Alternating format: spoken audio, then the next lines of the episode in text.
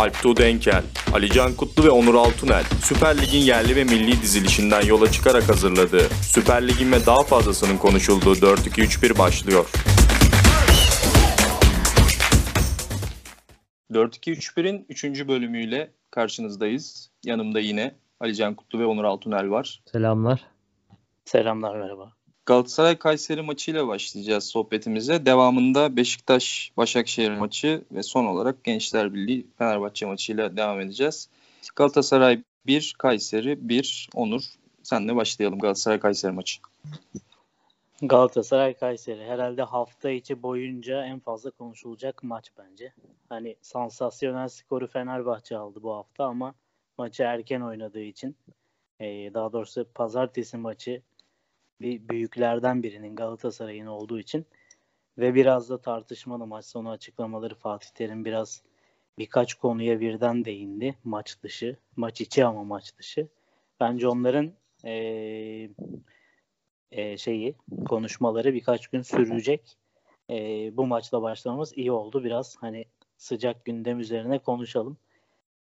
Yani bir bir Kayseri Spor Lig'in en zayıf kadrolarından biri değiştirdiler. Deplasmandalar. İşte eksikler de var. Her şey Galatasaray'ın eksikleri olmasına rağmen Falcao, Belanda gibi hücumda eksikleri olmasına rağmen e, rahat kazanacağını düşündüğü bir maçtı. E, maçta aslında e, ben Fatih Terim üzerinden değerlendireceğim. Onun değerlendirmeleri üzerinden biraz değerlendireceğim. Fatih Terim, Fatih Hoca diyor ki çok iyi oynadık. Bundan sonra böyle oynarsak her maçın favorisi biz oluruz. Ee, buradan başlayayım mesela. Galatasaray zaten ligde oynadığı her maçın favorisidir. Bir kere. Yani böyle oynamasına gerek yok. Galatasaray tarihi boyunca ligde oynadığı her maçın ki Fenerbahçe deplasmanları haricinde favorisidir zaten. Bu çok enteresan bir saptama değil. E, biraz oynadıkları oyunun 3 e, puan çıkaramamasını e, futbol dışı şeylerle açıklamaya çalışıyor Fatih Terim. Hani çok iyi oynadığına değinmek istiyor ama yani skor buysa maç Galatasaray Kayseri'yken e, kadrolar bunlarken skor buysa e, bence 25 şut çektik ama enteresan şekilde gol gelmedi gibi şeylerle bu maç açıklanmaz. Yani 25 şut çekmiş olabilir Galatasaray. Bu zaten herhangi bir Galatasaray Kayseri spor maçında olması gereken bir istatistik. E, gol gelmemiş olması zaten senin çektiğin şutların sayısını arttıran bir e, sebep dakikalar arttıkça gereksiz şutlar, işte bilinçsiz hücumlar yapıyorsun. Sonuç olarak bakılması gereken şu Galatasaray bu Kayseri'ye karşı iç sahada kaç tane yüzde yüzlük yüzde yüzlük gol pozisyonu olmazsa yüzde doksanlık ve üzeri gol pozisyonu bulmuş. Yani saymadım tek tek ama hani beşten fazla mıdır? O civardadır ya. 5'tir 6'dır. E bu da çok normal bir zaten e, rakam. Yani Galatasaray Kayseri ile iç sahada oynuyorsa bu oyunu oynayacak. Ters taraftan bakmak lazım. Neden 25 şut çektim de ben rakip sadece bir kere geldi ve bu maç berabere bitti. Tek bir soru sorayım. Falcao olsaydı maç berabere biter miydi? Belki. E, yani zor belki, ihtimal. Belki. Düşük ihtimal. Ya da eskilerden bir Gomez'in olsaydı. Ya da orta sahada bir Belanda olsaydı bitmezdi diyorsak e demek ki bu bir birlik skorun teknik bir açıklaması var. Yani şanssızlıkla açıklanacak bir şey değil. Demek ki senin kalite eksikliğin vardı. Demek ki senin hücumda organizasyon eksikliğin vardı. 25 şut çekebilmiş olman senin organize olduğun anlamına gelmiyor. Ee, sonuçta açamamış olman bu savunmayı ki Kayseri Spor böyle herkes iki kişilik oynadı gibi yorumlar gördüm. Öyle bir şey de yoktu gayet sıradan, temposuz bir savunma yaptı. Hı hı. Galatasaray'da temposuz hücumlar yaptı. Ben maç sonu açıklamalarına ve yorumlara biraz inanamadım. Yani sanki Galatasaray iç sahada Manchester United'la karşılaştı. Ona 20 şut çekti ve girmedi. Girmeyince girmiyor gibi bir maç sonu havası var. Galatasaray için bu çok tehlikeli. Yani kendini küçülten bir hava yaratıyorsun sen açamadıysan Kayseri Spor defansını e burada anlatacaksın. Biz organize olamadık. Oyuncu kalitemiz düşük. Hücumdaki santrifor sayımız düşük. Var olanlar sakat. Sakat olmadıkları zaman da kaliteleri düşük. Orta sahadaki oyuncularımızın lider karakteri yok. Belanda'yı bile aradık vesaire vesaire. Ben sabaha kadar anlatırım. Ama Galatasaray teknik heyetinden yani Fatih Terim konuşuyor. Bunlardan bahsetmiyor. Bunlardan bahsetmemesi demek bunlara kafa yorulmayacağı demek. Bu da Galatasaray'ın geleceği için bence çok tehlikeli. Galatasaray ama Fatih Terim hiç bunları açık açık konuşan bir teknik direktör olmadı bence. Yani şu anlamda olmadı. Hani eğer gerçekten genel olarak bir olumsuz bir hava görüyorsa Fatih Terim Galatasaray'da hani diyor bazen arada sırada işte hani şu oyuncu yok bu oyuncuya yine de güveniyoruz. İşte şöyle oldu böyle olmadı diye bazı açıklamalar yapıyor ama Fatih Terim'in yani açıklamaları özellikle şu son dönemlerde hep çoğunlukla popülist açıklamalar oldu. Yani nasıl söyleyebiliriz? Bir yerden bir olumsuzluğu yakalayıp olumsuzluk hakkında daha da üzerine gidip konuşması ve bir şekilde taraftarlara aa doğru bu olumsuzmuş havasını verdirtmesi ya da aynı şekilde olumlu bir şey yakalıyorsa kendi çapında aa bu olumluymuş diye gözlerine sokması taraftarların ve bunun üzerine gitmesi. Ben şunu söylemek istiyorum. Ya Galatasaray bu maçı 4-1 de kazanırdı, 5-1 de kazanırdı. Bunların hiçbir açıklaması da olmazdı. Bunları da konuşmazdık biz. Yani bu maçı açıp aa böyle oldu, böyle oldu derdik. 3 dakikada biterdi bu maç. Ben Falcao olsaydı bir, çok bir değişiklik olacağını düşünmüyorum. Çünkü Galatasaray'ın asıl sorunun hani bitiricilik değildi. O topu Cagney'e getirdi de Cagney bir şekilde hani boş kaleye atamadı ya da inanılmaz net bir gol pozisyonu kaçırdı gibi çok bir şey olmadı. Yani belki ikinci yarıda İsmail'in kurtardığı Cagney'in kafa vuruşu söylenilebilir. Cagney'in gerçekten kaçırdı. Ama onun dışında golü kaçıran Emre Akbaba'ydı. Ee, onun dışında işte penaltı oldu. Cagney bir şekilde attı. Falcao da atardı diye tahmin ediyorum. Yani bence Galatasaray'ın sorunu işte Falcao olsaydı başka birisi olsaydı tamam yenerlerdi gibi aşırı düşünmek doğru değil. Fatih Terim'e de katılıyorum şu anlamda. Yani doğru Galatasaray her maça favori çıkıyor. Doğru Galatasaray her maçta böyle oynamalı. Bu istatistiklere sahip olmalı. Çünkü Galatasaray ligin en büyük takımı belki de. Hani herkes taraftarlığına göre değişir. Ama şöyle bir durum var. Galatasaray'ın oynadığı futbol adam gibi futbol değil. Yani Fatih Terim'in de hoşuna giden bir futbol değildir bu. Ee, taraftarların da hoşuna giden bir futbol değil. Yani Gaziantep maçı dışında gerçekten üf ne futbol oynadı Galatasaray denilecek bir maç yok ortalıkta. Bu ilk 35 dakika yaklaşık e, Galatasaray inanılmaz goller kaçıldığı e, dakikalar gerçekten Galatasaray aa fena oynamadı gibi gösterdi. Ama bunun sebebi de Galatasaray değildi ki. Bunun sebebi Kayseri'nin Galatasaray'ı inanılmaz geride karşılamasıydı. Biraz daha öne çıkınca Kayseri orta sahaya daha baş, baskı yapınca ne oldu? Galatasaray 10 kişi olan Kayseri'ye karşı daha kötü oynadı ikinci yarıda. Yani bunları asıl konuşmak gerekiyor dediğin gibi. Yani orta sahadaki yaratıcı bir oyuncunun olmaması, hareketsizlik gerçekten Tiki Taka'nın e, yavaş çekim versiyonu oynamaya çalışması bence Galatasaray'ın en büyük sorunu. Ya top gelmiyor ki bir şekilde e, özellikle e, çözüm zamanı ya da çözülmesi gereken zamanlardaki Galatasaray gol kaçırıyor. Yani ilk 30 dakikada golü atıp işi bitirebilirdi okey ama olmayınca ki futbol bu olmaz. Top kaleye girmez. Lung inanılmaz oynadı mesela. Hani kaleci topları kurtarır vesaire. E ne olur ondan sonra en sonunda? Bir çözüm bulman gerekir. Ama Fatih Terim bir çözümü bulamadı saha içinde. Belki de en önemli ataklar e, atakları geliştiren oyuncu Saratçı'yı çıkardı sakatlanmasın diye. Emre Taşdemir aldı ve ondan sonra yaratıcılık zaten sıfırlandı. Marka orta sahaya gelip oyun kurmaya çalıştı. Donk'un ara pasları vardı ilk yarıda e, tehlike yaratan. Yani yok oyun kurucu yok. Oyun kurucu yok Galatasaray'da ve hiçbir şekilde yaratıcılık da yok Galatasaray'da. Asıl bence bunu konuşması gerekiyordu Fatih Terim'in. Ya işte benim dediklerim de bazı yerlerde örtüşüyor. Yani şöyle oyun lideri yok dedim orta sahada. Hücum yani hücuma zaten çıkıyorsun. Zaten rakip yarı alana oyunu iyi yiyorsun. İç sahada Kayseri ile oynuyorsun. Skor beraber. İster istemez zaten hücumda aktifsin. Oyun Kayseri alanında oynuyor, oynanıyor. Orada senin orta sahada liderin. Oyunu böyle çekip çeviren bir oyuncun yok.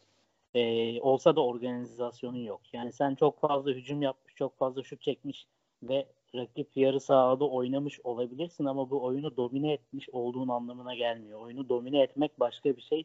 E, topun sürekli sende olup pozisyonlar da bulabilmem başka bir şey. Yani ama Fatih Terim burada ya ben neden eleştiriyorum? Biraz da sen de bahsettin oyuncu değişikliklerinden. O oyunu beğendi gerçekten. Ve gerçekten oyunu domine ettiklerini düşünüp skoru da alınca 1-0 olduğunda yaptı değişiklikleri. Skoru alınca direkt yani maç sonu açıklamalarını gelecek maçtaki çıkaracağı kadroyu düşünmeye başladı ve öyle bir oyuncu değişikliği yaptı. Bir dakika sonra golü yedi. Belki daha az işte- zamanda. E, ya yiyebilirsin. Rakip gelmez. Kendi kaynağına da bir şişirir 90 artı Tabii. işte. E, orada bir karambol golü bulabilir. Yani bu yanılgıya düşmek o 1-0 olunca zaten böyle bir maç oynanıyordu. Golü de bulduk artık. E, oyuna sokayım bu oyuncuları demek e, Fatih Terim'in oyunu beğendiği anlamına ve garanti gördüğü skoru anlamına geliyor benim nezdimde, nazarımda. E, o yüzden o yüzden hoca odaklı konuşuyorum. Yani bu oyun e, güçlü bir oyun değil. Çok fazla pozisyon yakalamış olman evet dediğin gibi senin. Bu maç 5-0 da bitebilirdi mesela. Yani ilk pozisyonlardan biri ikisi üst üste olduğu anda zaten rakip dağılırdı. Sen bunu kazanabilirdin. Ama biz kazanamadığın, o golü bulamadığın oyununu konuşuyoruz. Çünkü sen bunu yaşayacaksın sezon boyunca ve e, biz burada skorun neden böyle olduğunu konuşmak zorundayız. E bunun da sebepleri var. Ben çok kızıyorum. Sebep anlatmayıp tesadüflerden bahseden hocalara. Yani bunu Aykut Kocaman Fenerbahçe'de yapardı. Sonra Ersun Yanal da aynı şeyi yaptı. Bir dönem Fenerbahçe kalesine ilk gelen toplarda gol yiyordu. Ee, çıkıyorlardı Aykut Hoca da Ersun Hoca da. Ya şanssızlık ilk gelen top. Ya öyle bir şey yok. Onun bir sebebi var. Sen e, bilinçsiz hücumlara ilk dakikalarda öyle bir çıkıyorsun ki arkanda ilk gelen top dediğin karşı karşıya kalıyor rakip zaten. Yani böyle bir tesadüf olabilir mi? İlk gelen top gol oluyor gibi bir tesadüf. Ya sen net yakalanıyorsun. O yüzden gol oluyor. Ben neden golü bulmadan önce rakibe böyle net pozisyon veriyorum? Bunu tartışman lazım. Burada da Galatasaray golü bulamadığında neden bulamadı, nasıl bulamadı ve bunu nasıl çözecek? Bunu tartışmamız gerektiği için biz bunları konuşuyoruz. Ama e, Türk futbolunun en tepesindeki teknik anlamda en çok şeyi bilen olması gereken kişiler tesadüflerden bahsedince ben sinirleniyorum mesela. Çok O klasik zaman- ama gerçekten. Hiç hiçbir şey konuşmayalım. Yani tesadüfse tamam. E, Caner e, 40 tane orta yaptı. E, golü bulamadık. Şanssızlık. Ya yok öyle bir şey. Sebep o zaten. Caner'in 40 tane orta yapması senin golü bulamamandan kaynaklanıyor. Galatasaray'ın bugün 25 şut çekmesi senin golü bulamamandan kaynaklanıyor işte. Sebep sonuç ilişkisini biraz taraftara farklı anlatıyor hocalar. Ee, ya burada da işte kendi yönetimlerinin süresini uzatıyorlar. Ee, algı önemli bir şey Türkiye'de. Herkes teknik bilmek zorunda değil. Ee, iyi oynadıkları algısını yaratıp maalesef işte kendi güçlerini devam ettirme peşinde birçok hocada bu var. Tabii. Ben bu maç özelinde buna takıldım biraz. Yoksa Galatasaray aynı oyunu Kayseri'ye 5 maç daha oynasalar 5'ini de kazanır. O ayrı bir konu. Ya Kayseri küme düşmesi gereken bir takım. Açık açık söylüyorum. Kayseri Gerek- dinleyicilerimiz gereken. varsa da özür diliyorum ama yani lütfen düşün. Yani böyle futbol oynanmaz. Ee, Lunga olmasa gerçekten Galatasaray farklılık yaratmıştı ki İsmail de gerçekten iyi oynadı. Kiralık gitmesine rağmen Galatasaray'dan ayrı bir mesele. Ben çok kısa taktiksel anlamda Galatasaray'ın en başta neyi doğru yaptığını söyleyeceğim. Ya da benim gözüme öyle çarptı. Belki şans mı artık doğru gerçekten öyle mi oynaması gerekiyor bilemiyorum ama yani bu kısıtlı kadroda e, yine klasik 4-1-4-1 tarzı çıktı aslında. Taylan yine Regista tarzı e, top yapıyordu ama şöyle bir e, şey gördüm ben hücum sırasında özellikle. E, Taylan'la Feguli orta sahanın ortasında eşit seviyedelerdi ikinci bölgede. E, sağ kanat sağ açık olarak başlayan Oğulcan da Cagney ile aynı seviyeye geldi. Yani bayağı ikili forvet gibi e, ceza sahası çevresinde aynı seviyede oynuyorlardı yükseklik anlamında. Hani oyunun yüksekliği anlamında sağ, e, sağdaki diziliş anlamında söylüyorum. Emre Akbaba'ya da Emre Kılıç Kılınç da böyle değişiyorlardı böyle. Daha e, destek oyuncusu gibi işte top alıyorlardı, top dağıtıyorlardı, gerekirse orta açıyorlardı vesaire. Yani hücumdaki o tek farklılığı yaratan şey hani en başta böyle bir sistem diye düşünüyordum ama Emre Kılınç gerçekten hani bütün o Galatasaray'ın hareketsizliği oyununu biraz hareketleştiren isimdi. İkinci yarıda da Teknik. bunu oynamaya devam etti. Efendim? Teknik anlamda bu söylediğini zaten destekleyen Fatih Terim maç sonunda söyledi. Tabii. bu maç özelinde oyun kurucu, geriden oyun kurma rolünü Evet. verdim dedi mesela. Ben Sen de fark dinlemedim onları. izlerken. Hı hı, evet. Fark etmişsin izlerken. Ee, o açık. Ya bunları mesela daha fazla. Hocalar söylemek zorunda değil tabii ki. Kime ne rolü verdi, e, ne yapıyorlar, ne ediyorlar teknik anlamda ama e, duyduğumuz zaman da güzel oluyor. Yani senin tespit ettiğin bir şey mesela var. Hı hı. E, Fatih Hoca bunu maç sonunda söylüyor. E, bunu duymak güzel oluyor. Yani izleyici herkesi geliştiriyor. E, futbolun da bunlarla oynandığını da anlıyoruz. E, o anlamda güzel. Ki oluyor. maç Yani bitmiş zaten, anlattıkların havada kalmıyor mesela. Evet. Şu an mesela onu bir teyit etmiş oluyoruz. Fegoli'nin farklı bir rolde oynadığını. Belki diyeceklerdir ki yani dinleyenler Fegoli normalde böyle maçlarda çok pozisyon bulur. Ceza sahasında çok bulunur. Bu maçta kötüydü. E sen bunu Hayır arkadaydı. Oyun kurmaya çalışıyordu. E tabi. Bunun da bak bir sebebi var. Hı hı. Ve mesela Ki hoca, bence hoca iyi de kuramadı oyunu çok- yani. Sen ne dersin bilmiyorum ama bence başarısız da o konuda. Emre Akbaba zayıftı. Yani e, çok ya oyunculardan yeterli performans alamadı bence. temposuz buldun sanırım. Ya, hayır zaten Aslında- hep Galatasaray temposuz. Hani hep öyle zaten. Ee, ben onda bir farklılık görmedim. Yalnızca ki biraz daha işte gözüme çarpan olay e, en başta özellikle biraz daha hızlı paslaşmalar, işte kilidi kırmaya çalışmalar, işte e, ara paslar. Onları deniyordu Galatasaray. Onu ikinci yarıda yapmamaya başladı. Gol de bulamadı. Sonra penaltı oldu falan filan derken oyuncu değişikliklerinde de yanlışlık oldu. Ko- oyun yani tamamen bitti yani en sonunda. Özellikle son 15 dakikada. Yani uzaktan şutlar deniler. Etebo vurdu, Taylan vurdu. Kim vurdu başka hatırlamıyorum ama gelen geçen vurdu ceza sahası dışında. Evet yani o 1-1 gel- geldikten sonra oyun o Galatasaray'ın bir ufak şokta yaşadı sanırım e, takım. Çok fazla pozisyon olmadı öncesine nazaran. Bu arada çok güzel gol yemedi mi Galatasaray?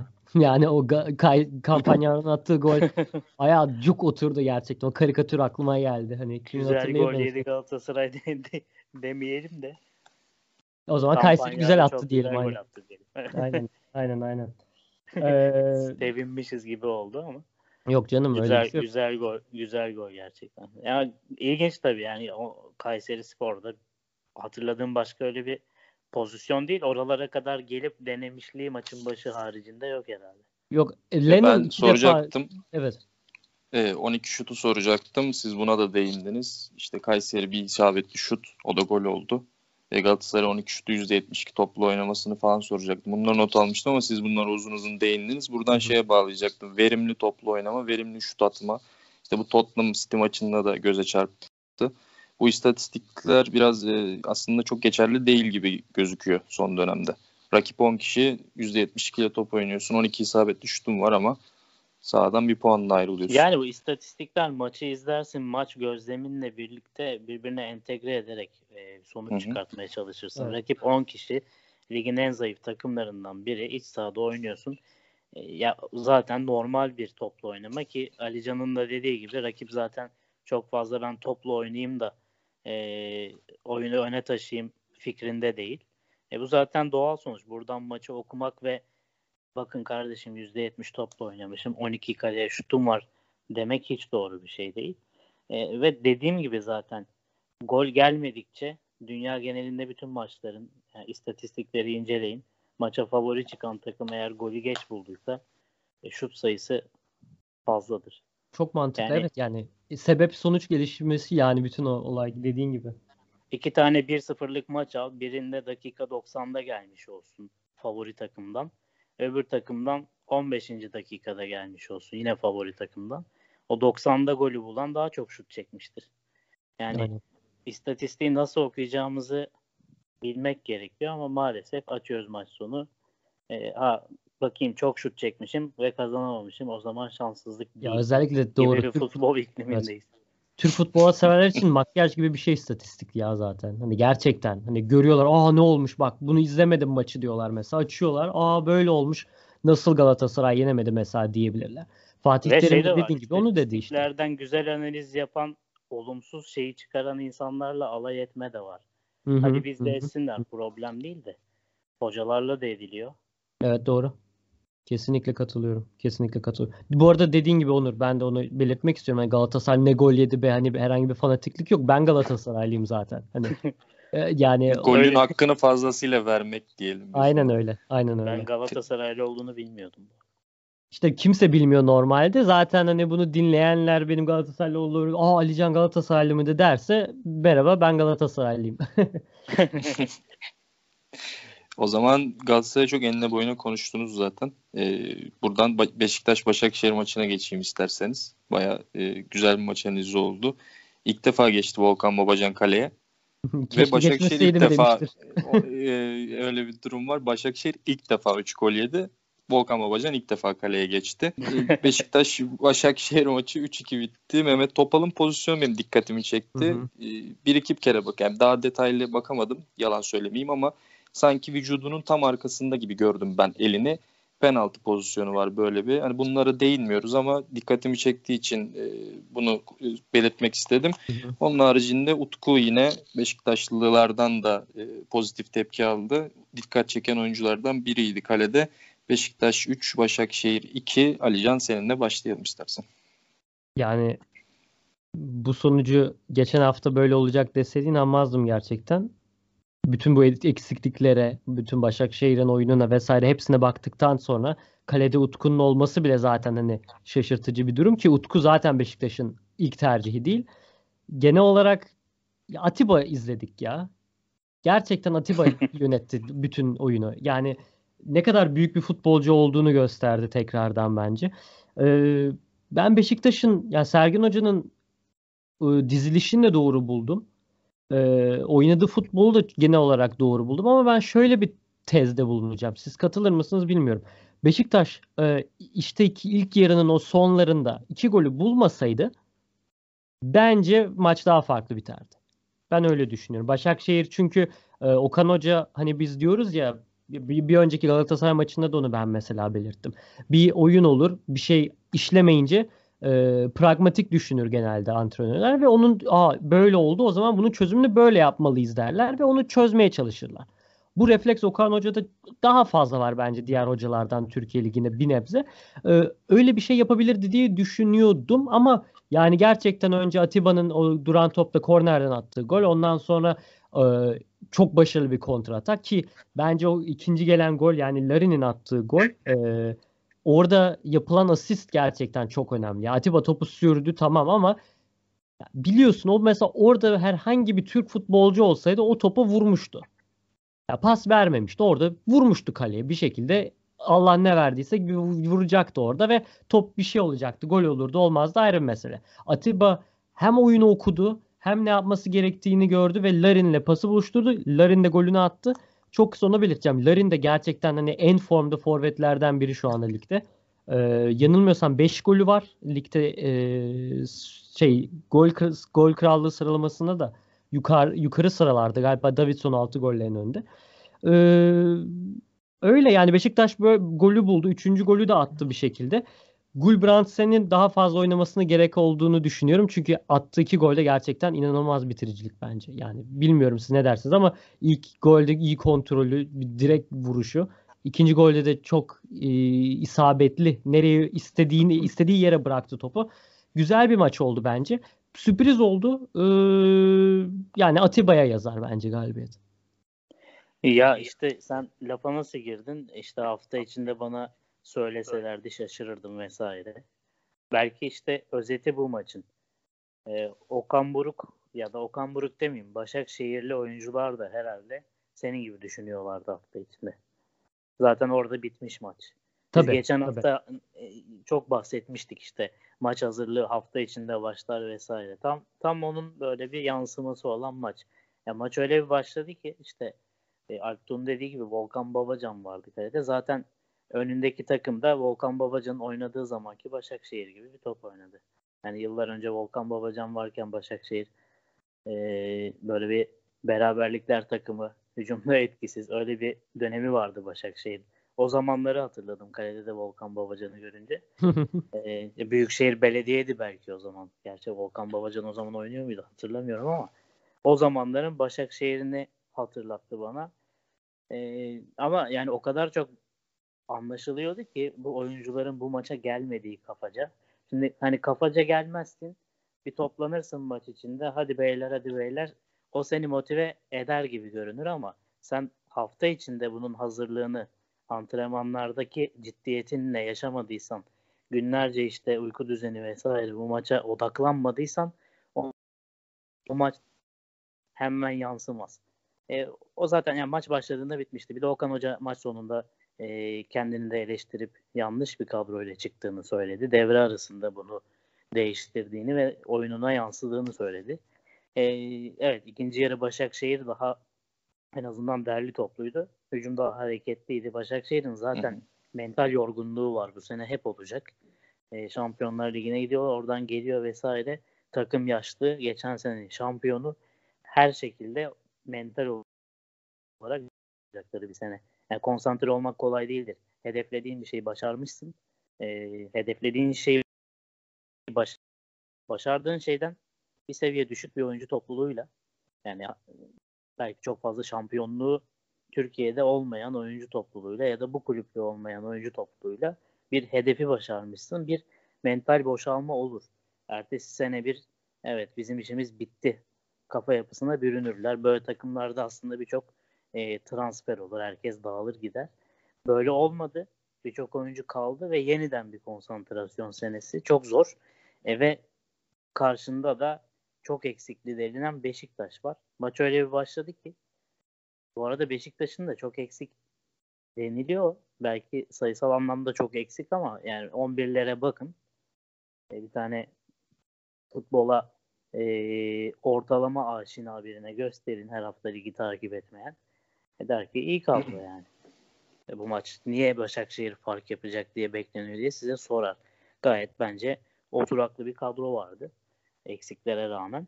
E, geride tabii ki bazı oyuncuların yerleri değişik. Kalede farklı bir isim var vesaire ama e, bence çok dengeli bir takım vardı. E, bu bütün denklemler birleşince de Beşiktaş skoru buldu. E, Beşiktaş zaten biraz orta sahada merkezde fizikli diri bir takım. Ee, biraz kompakt oyunu hafta hafta geliştirdikçe bence böyle beklenmedik skorlar alacak. Yani belirtildiği kadar ben e, düşük kalite bir takım olduğunu düşünmüyorum. Bu arada hani Gulbrandsen'in yanına Ali Can'ın oynamalı Hı-hı. demişti. Onun yanına Giuliano'yu da ek- eklemeliyim bence. Hı-hı, ee, kesinlikle. Yani Dembaba geçen sene bu kadar forma bulmuyordu. Bir yaş daha yaşlandı. E, takımın dediğim gibi mental anlamda bir tık daha düştüğünü düşünürsek, enerjiye ihtiyacı olduğunu düşünürsek, e, Giuliano transferi var, Gulbrandsen var. Ama Dembaba'yla bu kadar başlamak belki hani santrfor eksikliği Crivelli de yokken mecbur olabilir ama hareketli ön taraf oyuncularıyla oynamak bence bu haftalarda e, önemli Başakşehir için. Ya ben Okan Hoca'yı beğenirim teknik anlamda. Ama kendisi de söylediği için biraz daha rahat konuşuyorum. Bence kadro tercihi de yanlıştı. Maç hazırlığı da eksikti. Böyle bir sonuç oluştu. E, sonucu çok anormal bulmuyorum. Beşiktaş yine de 3-2'ye geldi skor ve 3-2'ye geldikten sonra da panik yaşadı. Bu da Beşiktaş'a bir e, defansif anlamda uyarı olur. Yani ben defansif anlayışını yani anlayış derken e, takım halinde defans yapma konsantrasyonunu, anlayışını beğeniyorum Beşiktaş'ın. Biraz defansif kalite eksikliği var. E, ona rağmen işte bu defansif kalitede şuna yol açar. Defans konsantrasyonunuz iyidir. Maça öyle hazırlanmışsınızdır ama birden dağılabilirsiniz. Özgüven eksikliğiniz olabilir. E, bu tür maçlarda oluyor. Üst üste goller yeniliyor. Bir tane daha yiyecek miyim paniği oluyor. E, ama devre arasına kadar bu kompakt oyunu sürdürürlerse bence bir savunmaya, beklere ya da savunmaya takviyeyle e, bir seviye daha üste çıkabilir. Önemli olan Beşiktaş'ın böyle maçları kazanıp yarışta tutunması. Başakşehir'in peki Manchester United maçı var. Yani Şampiyonlar Ligi grubunda herkes puan alamadan belki veda eder şeklinde düşünceleri vardı ama içeride gelen Manchester United galibiyeti e, gruptan çıkma inancını belki tetiklemiş olabilir diye düşünüyorum. Salı günü oynayacakları maçı biraz da düşünerek Beşiktaş karşısına çıkmış olabilirler mi? Çünkü sahada öyle bir durum gözüküyordu. Chadli'yi övmüştük geçen hafta. Yine bahsettiğin gibi değişiklikleri yap yapan bir hoca o hoca. Chadli de oyuna girdikten sonra etkisini gösterdi. Belki Chadli özelinde bir şey söylemek istersiniz ve yine salı günü oynanacak.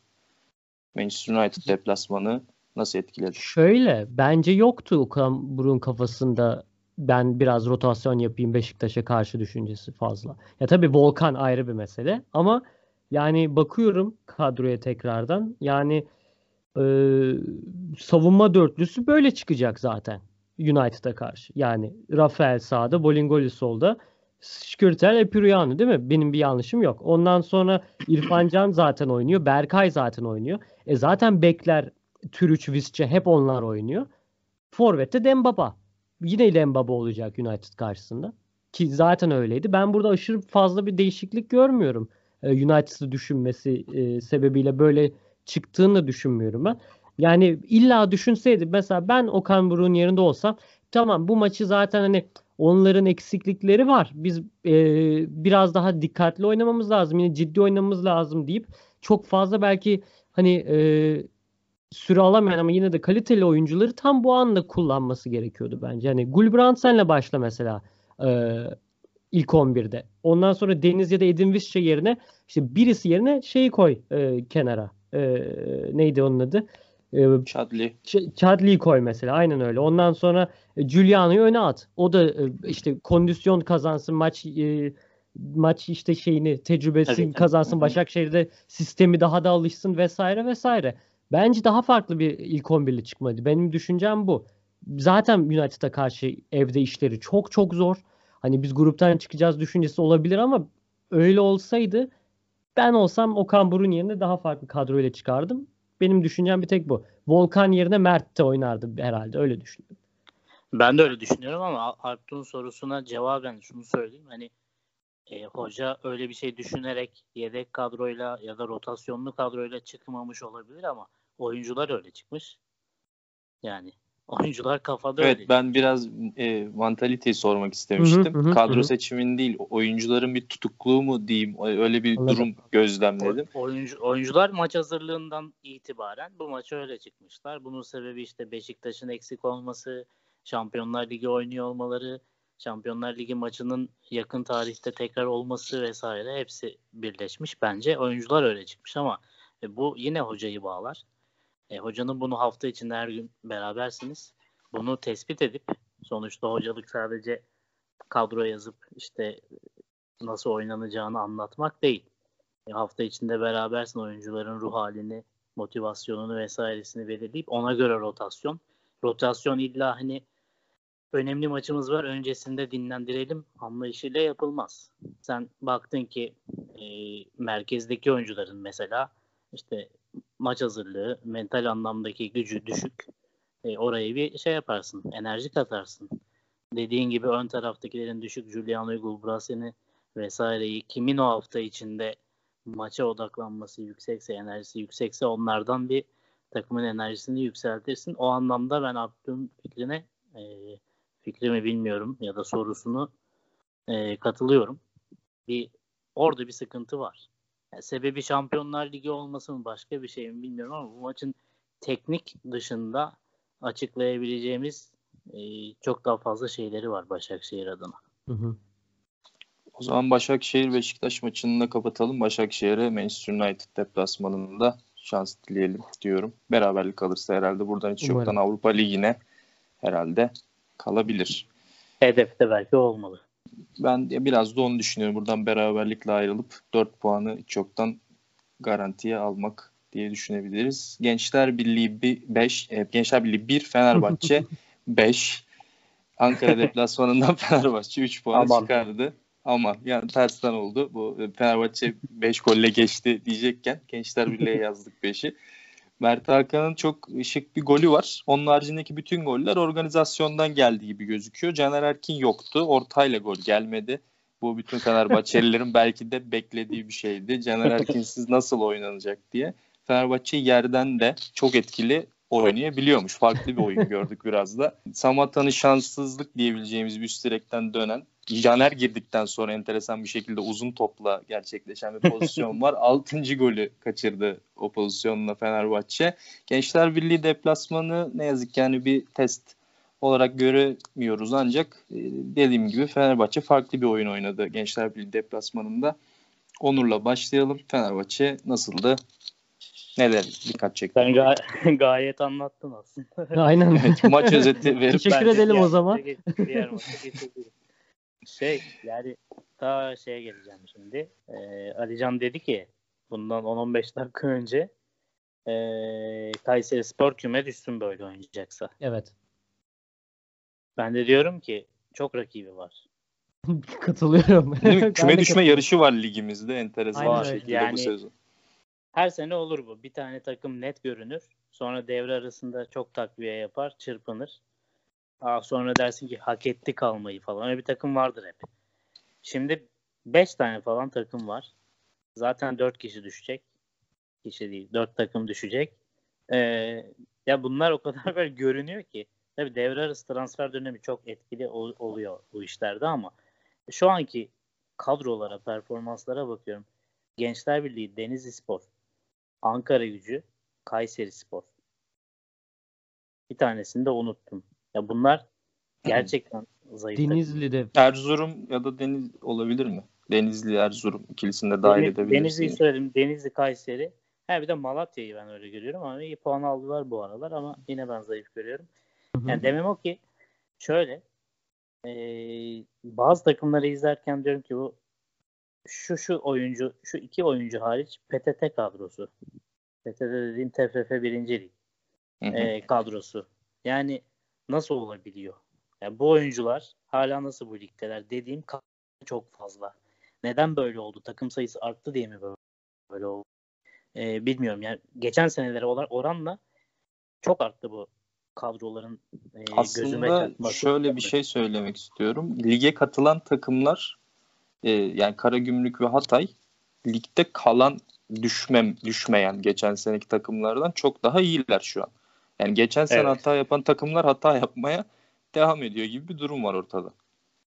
Ve o geçen sene düşüp de düşürülmeyen takımlar geçen seneki kadrolarından daha zayıflar.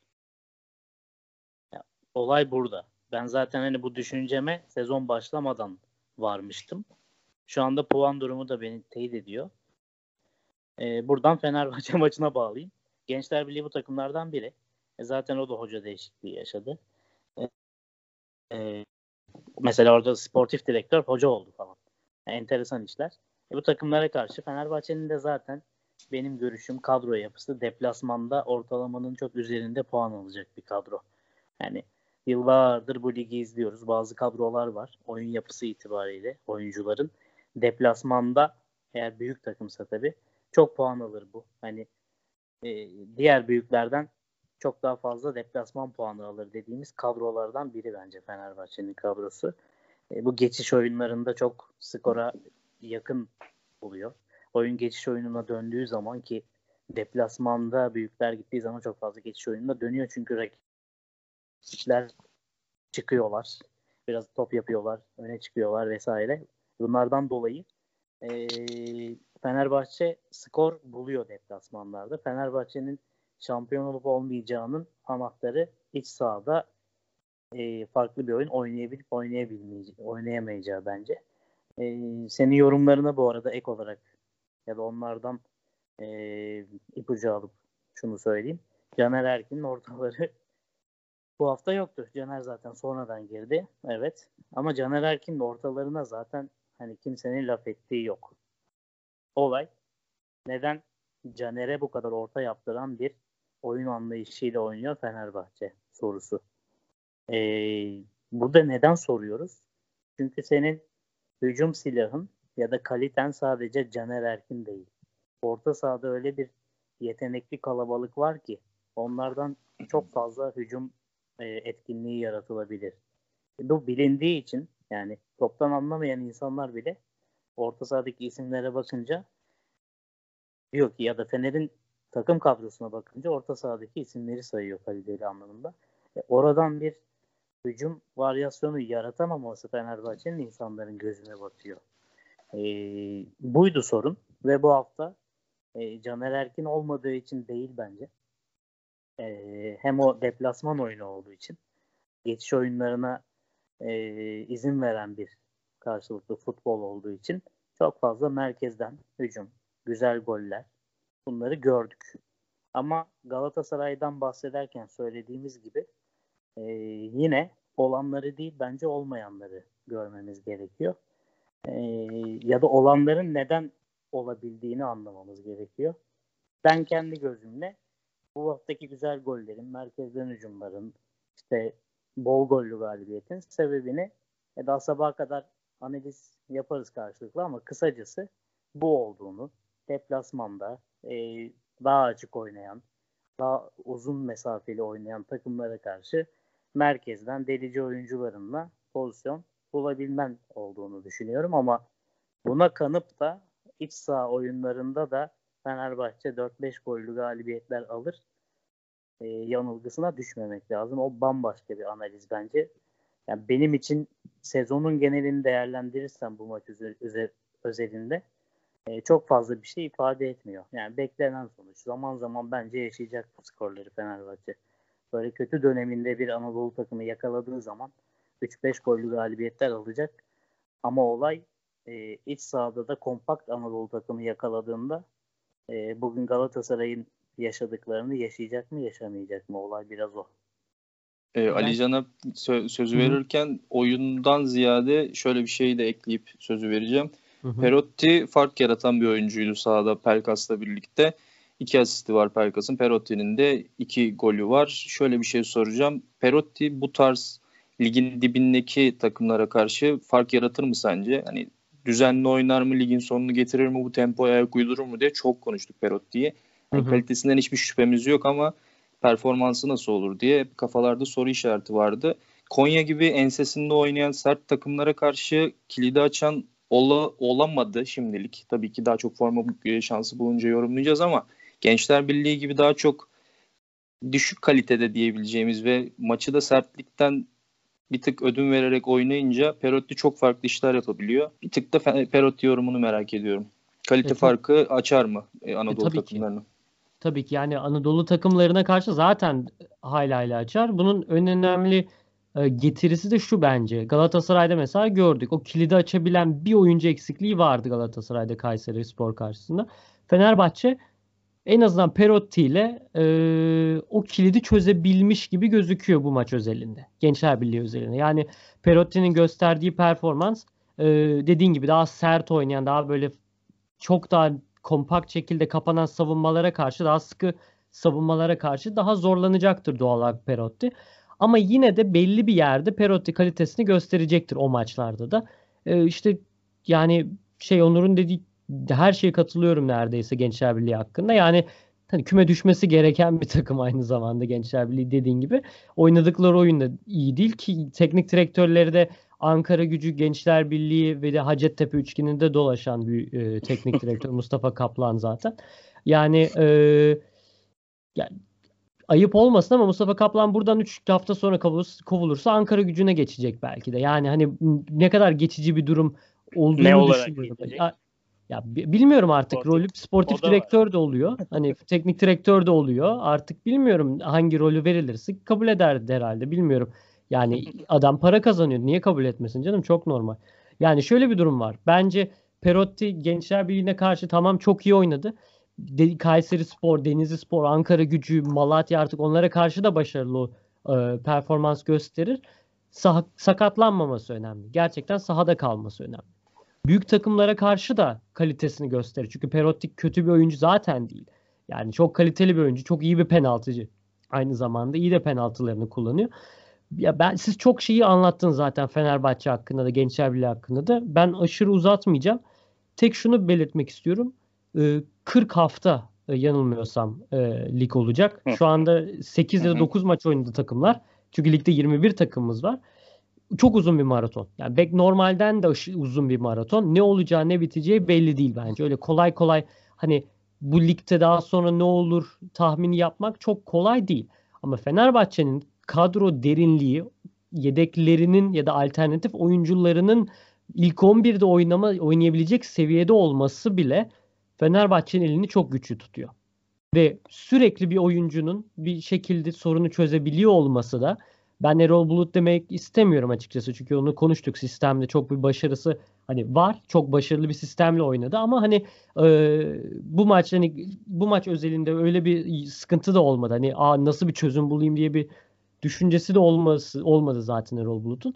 Dediğim gibi bence e, Süper Lig'de özellikle 40 haftalık bir Süper Lig'de tahmin yapmak doğru değil ama ben 2020-2021 sezonu şampiyonu Fenerbahçe yürekten kutluyorum. E, ve e, 2010-2011 sezonu diyorsun zaten. Yok yok 2020-2021 sezonu e, şampiyonu Fenerbahçe'yi yürekten kutluyorum.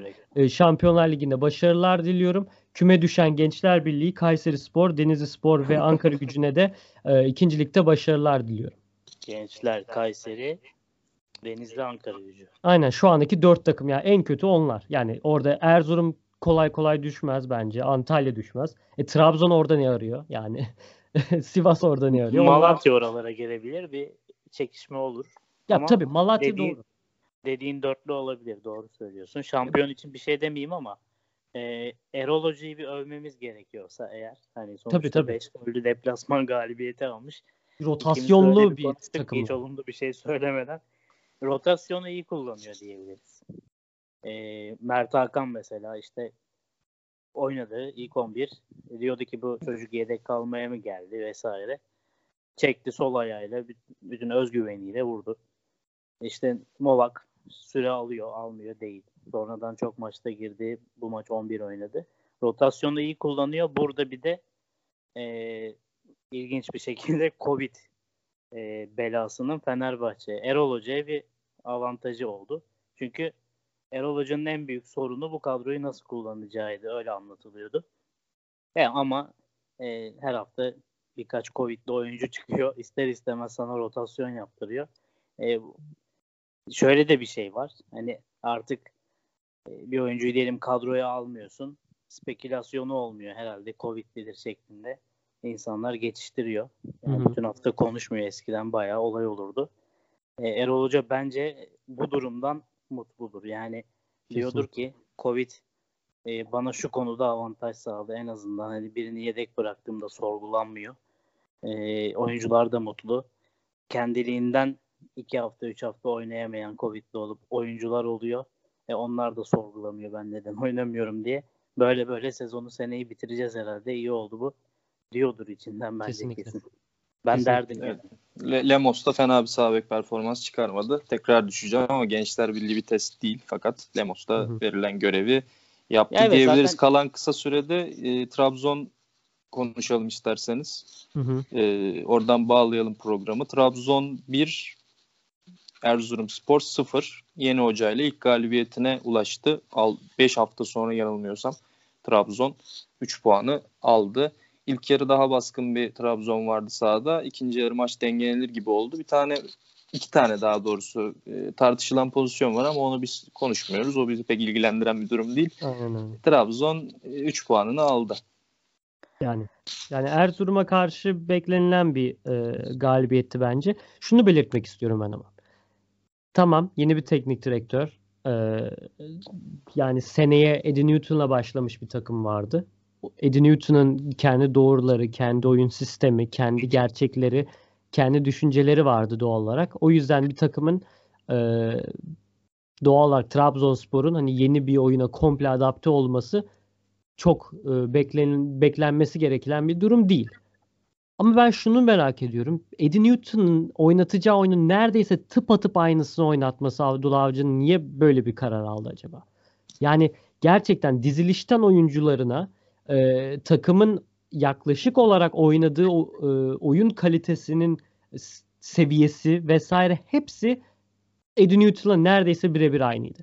Hani geçiş dönemini ben en e, sorunsuz şekilde mi atlatayım diye böyle bir sistem kurdu Abdullah Avcı ilk maçta ya da o yüzden mi böyle bir oyun oynattı bilmiyorum ama hani Türk futbolunda şeyi daha çok görürüz diğer ülkelere nazaran. Özellikle büyük takımlarda bir kan değişikliği olduğu zaman, bir teknik direktör değişikliği olduğu zaman oynanılan futbol özellikle ilk maç eskisine çok daha farklıdır. Çok daha farklıdır. Yani aa ne oldu birden? Aa gerçekten teknik direktördeymiş sorun dedirtir neredeyse. Hani olmasa bile. Ben ilk kez hayatımda ilk kez Türk futbolunda Türkiye Süper Lig'de böyle bir durum görüyorum. Yani aynı performans. Hani kötü ya da iyi anlamında söylemiyorum bunu. Yanlış anlaşılmasın lütfen. Ama Trabzonspor'un oynadığı futbol Eddie Newton oynadığı futbolla yani Abdullah Avcı'nın Trabzonspor'uyla Newton'un Trabzonspor'u birebir aynıydı neredeyse. Yani yan, yan, yanıldığım yerler varsa lütfen düzeltin ama yani Pereira yerine şey özür dilerim Serkan yerine Pereira oynadı bir tek. Tek farklılık. Yoksa Evet. takım 2-11 bu zaten. Hani Ekuba'nın 10 ilk yani 10 numara oynaması, Abdülkadir'in işte daha fazla e, biraz da aktif olması vesaire zaten böyle oynuyordu çoğu, çoğunlukla. Böyleydi performans. Anlamadım gerçekten ama önemli bir galibiyet aldı iç sahada. Yani alamasaydı yine ta- çok tartışırdık bence. Ee, ben buradan ne anladım ondan bahsedeyim. Ee, sen anlamadım dedin. Ee, ben de belki anlamadım ama anladığımı en azından söyleyeyim. Şu benim için olumlu bir şey bu. Çünkü e, Türk futbolunda hoca değişikliği yaşayan kulüplerin Anadolu takımlarında da bu böyle bu arada. Hatta küme düşme hattında son 6-7 hafta hoca değiştirirler ki 2-3 hafta puan alalım diye. Ee, çünkü onlar hepsi olmasa da bunu yaşayan kulüpler o yeni gelen hocanın siz aslında böyle oyuncularsınız. Siz aslında bunu yapabilecek karakterlersiniz. Hadi koçum iki maç kaldı, üç maç kaldı motivasyonuyla o hareketlenmeyi yaşayan kulüpler. Ee, Abdullah Avcı böyle bir hoca değil. Abdullah Avcı'nın e, hocalık özellikleri öne çıktığı taraf gerçekten hocalık tarafı. Yani e, sağ içindeki sağ içi bilgisi, uzun vadeli çalıştığı takımlardaki e, hoca takımı yaratması, teknik bilgisi e, vesaire vesaire. Şimdi böyle bir hoca yeni geldiği zaman zaten çok fazla o şeyi beklememek lazım.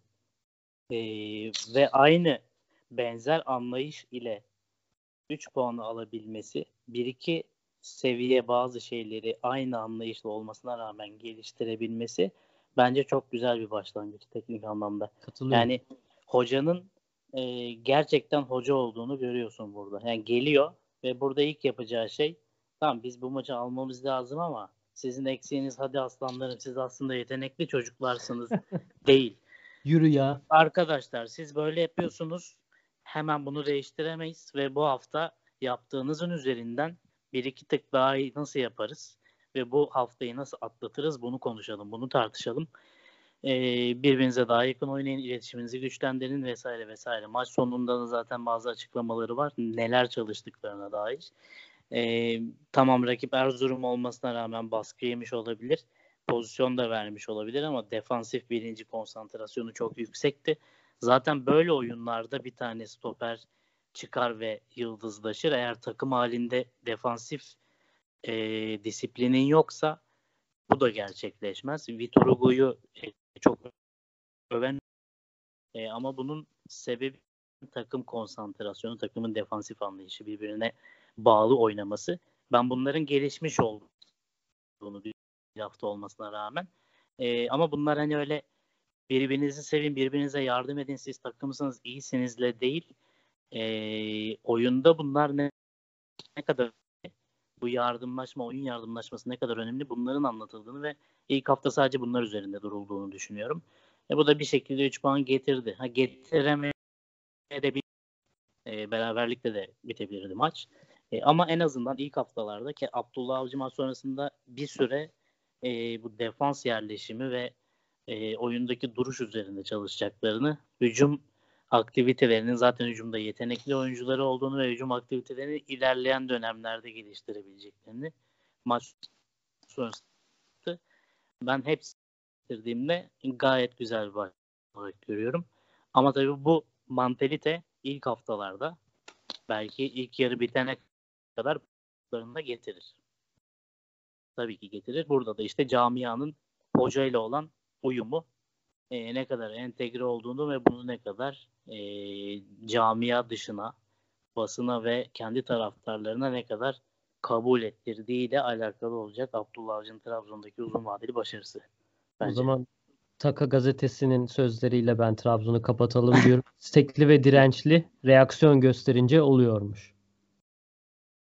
Evet reaksiyon gösteren Trabzonspor kazanmış. Hmm. Ya Uğurcan Uğurcan da iyiydi bu arada. Onu çok kısa belirtmek istiyorum. Hani bir oyuncuyu belirtmek gerekiyorsa Trabzonspor'da iyi olan Re- Uğurcan, Ekuban çok reaksiyon iyiydi. gösteren demiş de yani sen mesela hiç öyle söylemedin.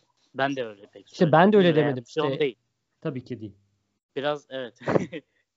skor skor başlığı olmuş o. Skora bak. Tabii canım zaten zaten adam gibi bir şey söylemek isteseydim niye Takı gazetesinden okuyayım ben? Taka gazetesine Yani Tüm çalışanlara sevgilerimizi, saygılarımızı gönderiyoruz ama. Ama yani Türk basınının problemi zaten bu. Tabii canım. Oraya girmeyelim zaten. Tabii tabii yani. O zaman ben Budur, buralara fazla girmeden e, 55 dakikada bir, bir saat yapmadan bu sefer tamamlayayım. Trabzon maçı analizi de bitti. Teşekkür ediyorum ben size yorumlarınız için. Buraya kadar dinledilerse de dinleyicilerimize teşekkür ediyorum. Bir sonraki bölümde Herkese görüşmek üzere. Görüşürüz. Herkese teşekkürler.